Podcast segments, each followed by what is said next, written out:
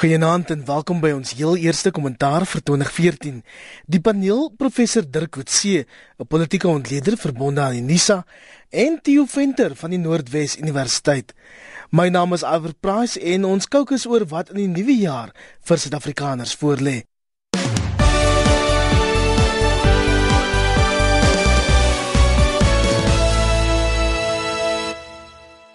Meneer ons trek alweer 5 dae in 2014. Daar is soveel onsekerheid en selfs verwagtinge dat ons politieke landskap gaan verander. As jy die stand van die plaaslike politiek moes opsom, Dirk, hoe sou jy dit doen? Wel, ek dink op die oomblik is dit die van relatief onsekerheid waar elke politieke party staan. Ehm um, dis nou natuurlik relatief vroeg nou in die verkiesingsveld tog. Um, maar ons het nog geen aanduiding regtig waar partye soos byvoorbeeld Agang of Cope of selfs die EFF se steenbasis op die oomblik is nie. Terselfdertyd is daar ook groot onsekerheid oor wat die impak byvoorbeeld van president Mandela se dood op die ANC was. Is dit tot voordeel van die ANC? Is dit dat daar meer simpatie nou vir die ANC gaan wees? Um, en ook natuurlik die die posisie van president Zuma. Um, gaan hy as individu of as persoon of terselfdertyd die leier of president van die ANC gaan mense uh, stem op grond van hulle houding teenoor hom? Of gaan ons stem vir die ANC as organisasie? So dit is die ek dink die nuwe vraag wat nou na vore kom uh, wat nie altyd in die verlede uh, by die verkiesings van 2009 en 2004 in in Swan was nie. En ek dink dit dit wat die hierdie verkiesing baie interessant gemaak. Stem jy saam jou? Is dit ook hoe jy die politiek opsom? Ja, ek stem grootliks met dit saam en, en ons kan sommer byvoeg dat ons eintlik ook nog nie eens presies weet wanneer die verkiesing gaan plaasvind nie. Ons spekuleer oor 'n paar datums en ons weet wat die grondwet sê dat dit eers aan die einde van April eers in in in Mei maand moet wees maar ons gaan die jaar eintlik binne met uh, met 'n groot klomp um, van hierdie faktore waar ons nie duidelikheid het nie. En een van die interessante goed wat Dirk genoem het um, is die posisie rondom meneer Jacob Zuma self. Um, daar is verskriklik baie spekulasie van verskillende kante af oor oor sy posisie en ehm um, gaan hy ehm um, gaan hy die gesig van die verkiesing wees soos wat die ANC by ver, verskeie geleenthede reeds aangekondig het? Of het die ehm um, faktore wat rondom hom 'n rol begin speel het soos in Kandla die Gupta sage die Etol sage en al die goeders het dit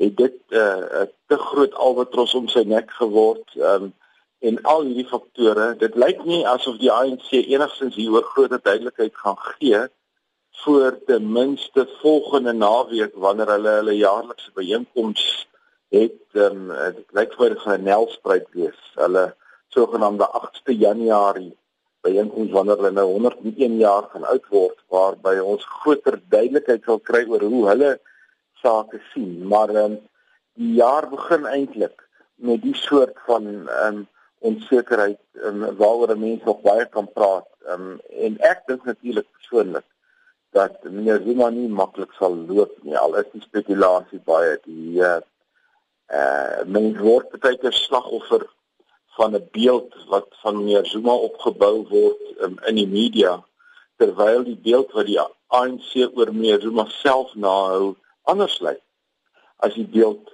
wat in die media oor hom geskep word. Die beeld wat mense in in die platteland kry oor die ANC lyk anders as die beeld van die ANC wat geskep word in die media wat hoofsaaklik ek wil amper sê stedelike in um, media is. So hier is 'n groot klomp goed wat ons nie weet nie wat die uitkoms van hierdie verkiesing in 2014 'n um, baie groot vraagteken oorhang. Dis 'n baie interessante perspektief Theo, stem jy saam Dirk? Ek stem daarmee saam. Ek, ek dink daar is 'n uh, byvoorbeeld die vraag of die ANC bo 60% gaan kry of onder 60% is een van die sleutelvrae vir die vir die komende verkiesing. Ehm um, en dit gaan nou van baie faktore afhang. Dit gaan afhang van uh, hoe die oppositiegroeperings aan veral hierdie 5 of nou 4 sonder inkate oppositie uh, alliansie tot watter mate hulle meer van 'n impak kan maak nie dat hulle 'n 'n nuwe groot faktor gaan word nie, maar wel hulle steun kan konsolideer. Ehm um, die toekoms van die DA, die DA praat van rondom 30% Ek dink dit gaan nader miskien aan 20% wees, maar wat, is die potensiaal van die DA en watter rol gaan hulle speel? Want hulle moet hulself ook begin posisioneer vir die toekoms. Um, in 'n as 'n DA sonder die leierskap van Helen Zille. So dit is die tipe van vrae dink ek wat ons almal uh, begin vra nou met die oog op die verkiesing, maar ook verder as die verkiesing. Um, en dan daarna na die verkiesing gaan wees hoe gaan die nuwe regering lyk? Wie gaan die mense wees wat president Zuma gaan identifiseer um, as sy nuwe kabinetslede? Ehm um, wie wie is die persone wat hy gaan uitlaat uh, op grond van of swak uh, dienslewering uh, of of en bestuur um, of omdat dit sekere ander faktore te sprake moet kom. Byvoorbeeld die feit um, dat baie mense begin vir hom uh, president Zuma kritiseer omdat hy soveel fokus plaas net op KwaZulu-Natal en in Zulu persone wat in senior persone uh, in senior posisies aangestel word.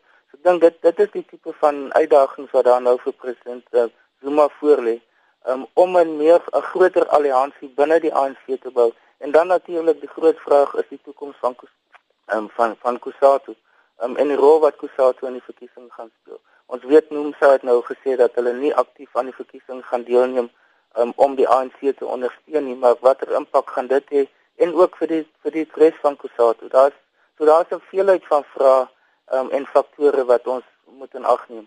Die alliansie wat gevorm is met die Vryheidsfront en uh Cope en 'n paar ander uh ons mag 'n baie ironiese uitkoms in die in die komende verkiesing hê dat as die die uh ekonomiese vryheidsvegters die soort van ondersteuning kry wat baie mense oor spekuleer, mag hulle selfs meer kry as een groepering as wat die hele kombinasie van Vryheidsfront, Cope en en almal wat saam met hulle is in die verkiesing kan kry en ek ook sê dit noem 'n baie belangrike ding. Um, Mense moet oppas in 2014 om nie teen die verkiesing vas te kyk nie, maar verby die verkiesing te kyk. En een van die faktore wat dit reeds um, veroorsaak het, is die feit dat die uh, Pravin Gordhan aangedui het wel informeel, maar dit word aanvaar dat dit 'n formele soort van 'n posisie is dat hy gaan uittreë uit die politiek uit. So ons minister van finansies wat 'n sleutelpos in die kabinet is, ehm um, gaan teen April maand um, die politiek verlaat. Dit maak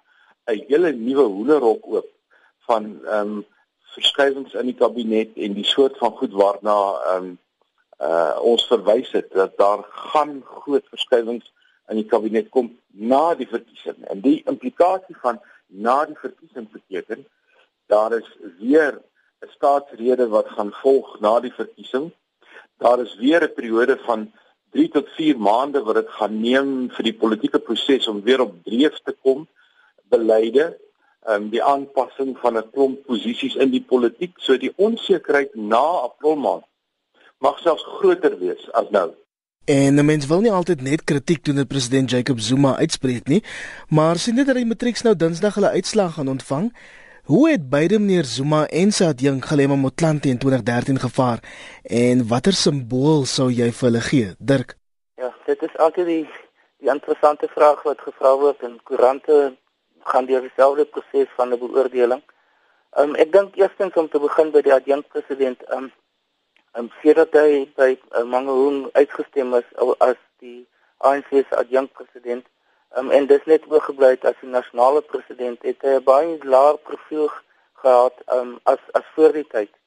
Um, en ek dink wat ons gesien het die afgelope jaar van hom is is dat hy ten spyte van die feit dat hy eintlik sy magsbasis binne die ANC verloor het, um, dat mense hom nog met met baie groot respek hanteer het en die, die wyse waarop hy self opgetree het, um, het het daar dit gebleik dat hy nie 'n gevoel van weerbraak het of dat hy voel wel hy is nou op pad uit en daarom is hy stel hy nie meer belang in die in die sake van die van die land in die algemeen in die sake van die regering. So ek dink hy het 'n tipe van 'n rol gespeel wat uh, baie mense respekteer en dit is dis dis hoogs ironies dat hy nie in die volgende uh, regering gaan wees nie. Want hy is was die stabiliserende faktor en ek dink as mens byvoorbeeld terugdink aan die rol wat hy gespeel het na Amerikaner om te probeer om 'n akkoord binne die die mynbedryf tot stand te bring tussen die die myn ehm uh, uh, uh, maatskappye, uh, die vakbonde en die regering um, om groter stabiliteit te kry daar veral vir die met die oog op die buitelandse se beskouing van van die mynbedryf in Suid-Afrika. Ehm um, en dit die, die relatiewe sukses wat dit gebring het, ehm um, nie dat daar totale harmonie is nie, maar dit het die die situasie tot 'n groot mate begin stabiliseer. Ehm um, dieselfde het hy gedoen op op die buitelandse vlak. Hy begin in rol speel byvoorbeeld um, in die verhoudings met China. Um, hy was deel van die die binasionale kommissie wat weer byeengekom het. Hy speel 'n groot rol in lande soos Turkye. Um, hy het 'n groot rol gespeel in sy besoeke in in Europese lande. Hy het uh, eerste minister van verskeie uh, Skandinawiese lande ontvang hier in Suid-Afrika. So ten spyte van sy lae profiel, ek dink ek het hy 'n baie suksesvolle rol gespeel. En ten spyte van die feit dat ons weet dat hy nie in die, in lyn is om in die nabye toekoms een van die leier, leiers binne die ANC te wees nie. Is dit waarskynlik een van die grootste tragedies um, dat hy nou uitgeskuif is en dat hy nie daardie rol kan speel van 'n vir baie mense 'n meer van 'n vaderfiguur binne die ANC, 'n mentorfiguur, 'n persoon na wie hulle gaan vir advies. Um, en ek het dit van verskeie persone binne die ANC gehoor dat uh, ten spyte daarvan dat hy nie die president was nie, het hulle dikwels na hom toe gegaan vir advies toe hy nog sekretaris-generaal van die ANC ook was.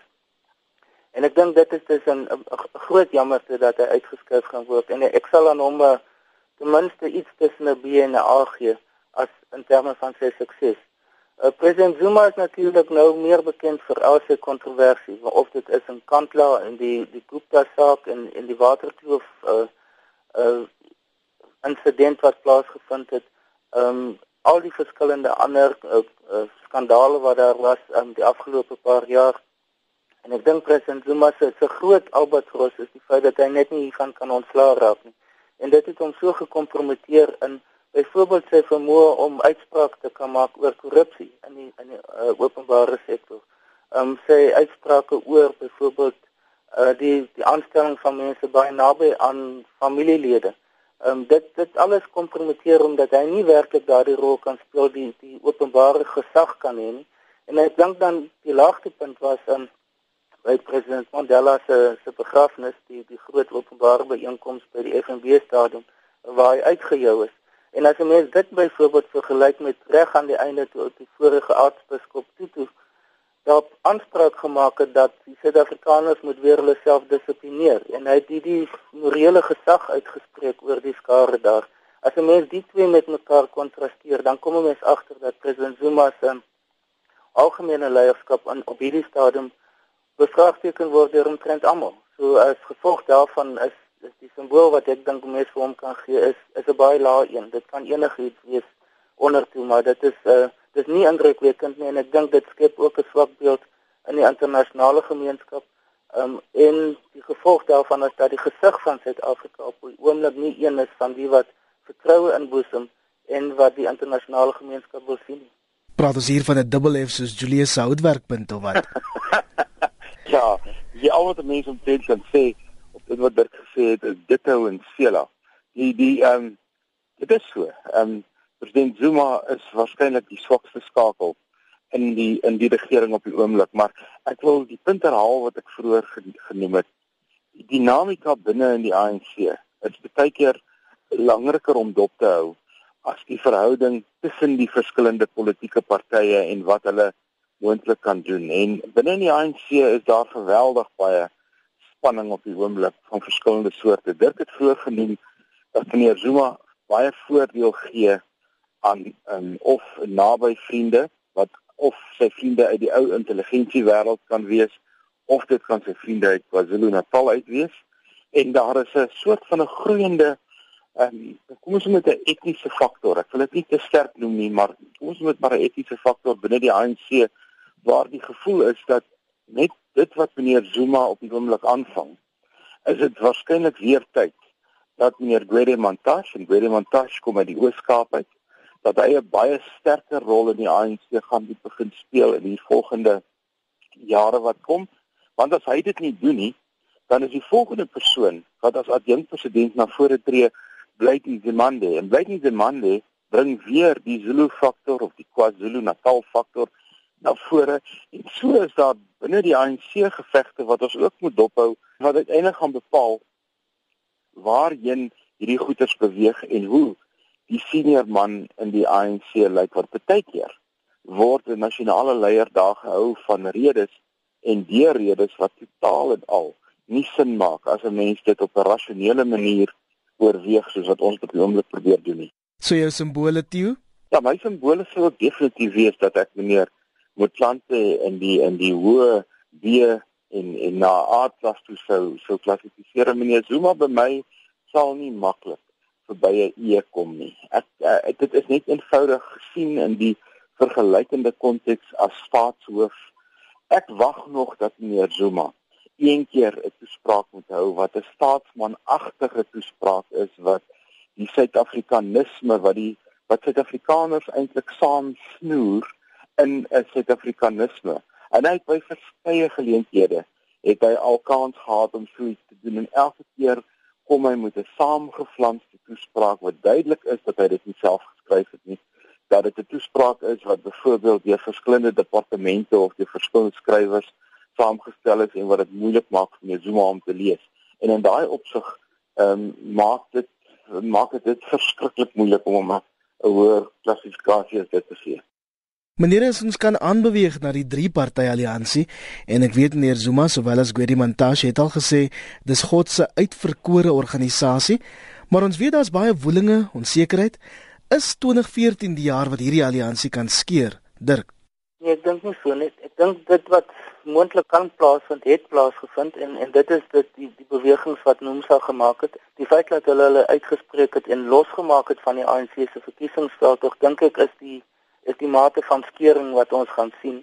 Ehm um, wat beteken dat daar ehm um, ook nie binne Kusatu noodwendige totale skering sal wees dat Nomsa sal uitstap en 'n nuwe beweging of 'n organisasie of 'n werkersparty uh, tot stand gaan bring. Ek dink dink die, die feit dat Nomsa en die wat saam met hom is, um hulle self so krities uitgespreek het teen die ANC en vir al die leierskap van president Zuma, um is in is dit 'n fakto skering. Um dit is nie uh, dat dit op papier so is en dit aangekondig is as sodanig nie, maar die feit dat Nomsa gesê het wel hulle gaan nie meer die ANC finansiëel ondersteun in die verkiesingsveld tog nie.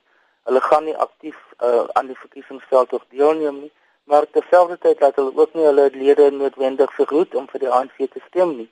Dit is die die ek dink die kompromie wat aangegaan het um op aangegaan is in die geval van Zwelindima Wawi dit gaan moeilik wees om te bepaal wat wat sy toekoms is maar ek dink hy het die punt verbygesteek reeds wat hy kan terug gaan na Kusatu toe so, so waarskynlik gaan daar bewegings wees in in met betrekking tot sy spesifieke situasie. Um en ek ek dink wat nie onmoontlik is nie is dat oor tyd 'n nuwe losse alliansie van van vakbondsorganisasies en AMKU en ander groeperings ehm um, soos NAKTO byvoorbeeld um, kan begin saamwerk maar op 'n relatief informele basis dat dit nie noodwendig 'n nuwe organisasie gaan wees. In die geval van die SAKP is hulle 100% geabsorbeer deur die ANC. Ehm um, daar is baie min verskil tussen die twee en hulle sal waarskynlik weer eens 'n sterk verteenwoordig word in die regering. Ek dink wat president Zuma se se taktik gaan wees met met Kusatu, die oorblywende deel van Kusatu, is om 'n aantal mense van uit Kusatu ook as ministers aan te stel en dieselfde taktik te volg as wat hy met die SAKP gedoen het. Um, en om hulle op so 'n manier dus in te bind aan aan beide die regering en in die ANC um, en so te probeer om die alliansie te te probeer in, in in stand hou of te hou waar hy op die oomblik is. Maar ek dink nie ek ek voorsien nie dat daar verdere groot dramatiese skerings binne Kusatu of binne die alliansie gaan plaasvind. Ek wil saamstem iwer want die die sluitsteen waarom alles hier gaan is die nasionale ontwikkelingsplan en ek dink dit is waar meneer Zuma het dit by vers, by soveel geleenthede nou al eintlik aangekondig dat dit is die sentrale ehm um, ding waarvoor die ANC staan, die nasionale ontwikkelingsplan. Met ander woorde, die binne Kusatu wat hulle daarby gaan neerlê gaan meneer Zuma se loyaliteit kry en hy gaan hulle gebruik en die wat hulle nie daarby neerlê nie soos Nomsa en Wawi en 'n klomp ander wat mense kan noem, hulle gaan heeltemal gemarginaliseer word in die proses. Die slegte nuus oor wat ons nou sien is nie noodwendig slegte nuus in die politieke sin nie, maar dit is slegte nuus in die ekonomiese sin want die die breekspil wat binne Kusatu dreig en wat soos Dirk aangedui het, de facto eintlik reeds plaasgevind het, maak die arbeidsverhoudinge omgewing in Suid-Afrika net so onvoorspelbaar want die die gevestigde reëls wat oor die laaste 20 25 jaar ontstaan het oor hoe mense 'n situasie hanteer in Suid-Afrika gaan nou weer van vooraf herontwikkel moet word en 'n mens gaan voetjie vir voetjie moet vasstel presies hoe doen ons dit nou want die mense in die arbeidsveld speel nie meer dieselfde speletjie soos te Kusatu die monopolie gehad het nie. Dit is 'n nuwe omgewing waarvan ons ook sal moet kennis neem. So goed, ons het nou begin raak aan die verkiesing, die verkiesingsjaar en daar was al soveel voorspellings oor hoe die ANC by die stembusse gaan doen. Maar kom ons fokus vanaand op die res want mense hoor redelik min voorspellings in daardie verband. Dirk, wie voorspel jy gaan die voorste 3 partye, 3 4 partye wees naas die ANC of eintlik maar net naas die DA? Wel, soos jy sê, eerstens die DA sal sy posisie as amptelike oppositie um, in die meeste wel in die op nasionale vlak behou en ek dink wat hy ook sal regkry is om die amptelike oppositie in die meeste van die provinsies te word en dit oor te neem van van Cope. Ehm um, die derde party gaan hoogs hoogs waarskynlik uh, die Econ Economic Freedom Fighters word uh, met 'n persentasie baie laer as die DA, dit kan hier rondom 3, 4, 5% wees. Ehm um, ek weet dat sommige partye in hulle eie as uh, beoordeling van die situasie dit kan opskuif tot rondom 7%, uh, maar dit in, in daardie omgewing. En ek dink dan die derde groepering sal of die derde party sal ehm um, nog hoogs waarskynlik die Inkatha wees hoewel hulle by die vorige verkiesing net 4% gekry het en sedert 94 hulle konstant steun verloor wat beteken dat hulle nou miskien 3 of selfs 2% kan kry gaan dit waarskynlik nog meer wees as die ander klein partytjies ek meen as jy mens kyk na die die uitslae van 2009 se algemene verkiesing um, dan het die grootste hoeveelheid partye minder as 1% per party gekry. Uh, dit sluit in byvoorbeeld die UDM, uh, die, die Vryheidsfront Plus, uh, die ACDP, die ICTP, e um, die die PAC en sy splintergroepe, AZAPO en sy splintergroepe. Al daardie partye saam het omtrent 5% stemme gekry. Ek dink dit gaan nie regtig verander nie. Selfs al het hierdie koalisie of alliansie nou tot stand gekom met met Cope en die, die ek dink die enigste uitstaande vraag is presies wat Cope se posisie gaan wees. Hoe hulle gaan regkry om ehm um, die die steen wat van 2009 van net oor die 7% 7.5% um, wat daarvan gaan word. Gaan dit gaan dit afdaal na die vlak van 2011 met die plaaslike verkiesing van rondom 2% of gaan hulle dit regkry om deur hierdie alliansie byvoorbeeld ehm um, dit effens op te stoot na 3 of 4% toe. So dit is eintlik die enigste uitstaande faktor wat hierdie verkiesing vir ons sal moet aandui. Dan natuurlik die ander party wat wat 'n onseker faktor is as is Agang. Ehm um, daar's baie verskeiende verskillende voorstellings oor wat Agang gaan se se prestasie gaan wees of se vlakke van ondersteuning, maar niemand gee hulle 'n kans om regtig een van die top 3 partye te word op hierdie stadium. Tio as Dirk se ja. ontledingsreg is, uh, beteken dit ons moet begin grafstene uitkies vir partye soos die Vryheidsfront Plus, Cope, Agang.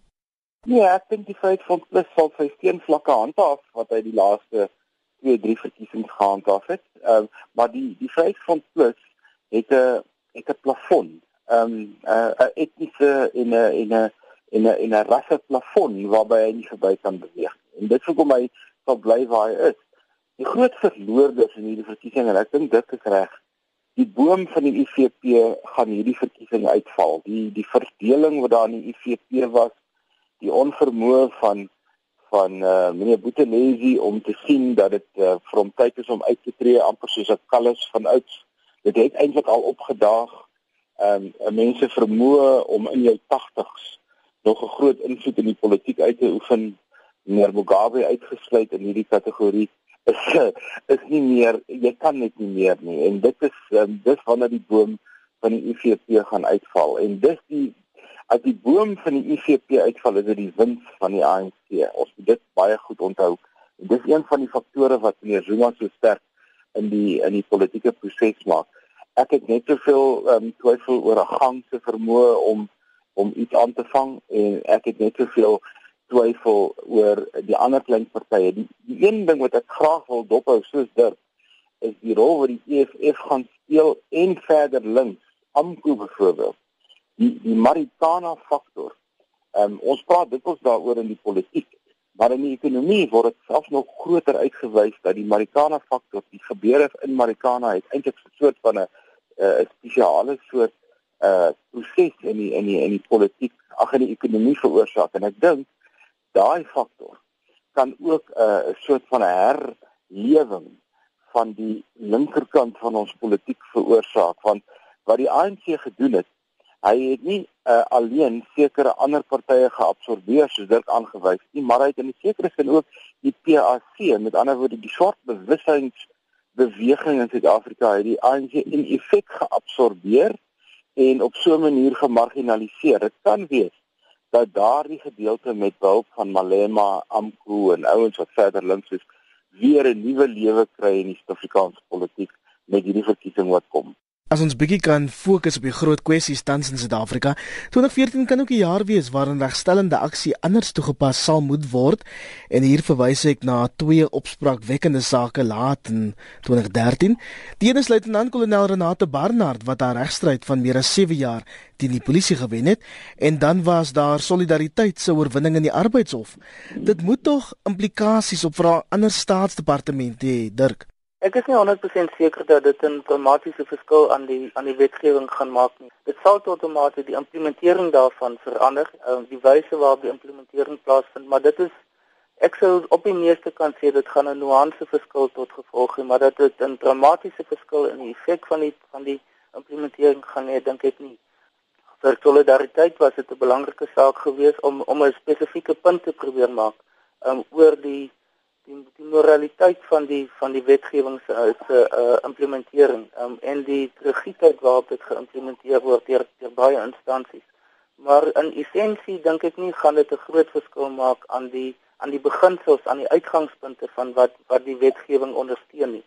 Um, en daarom dink ek nie met moet mense verwag dat dit tot 'n totaal nuwe landskap gaan skep in die arbeids uh, in die uh, aanstellings van mense op op op arbeidsvlak.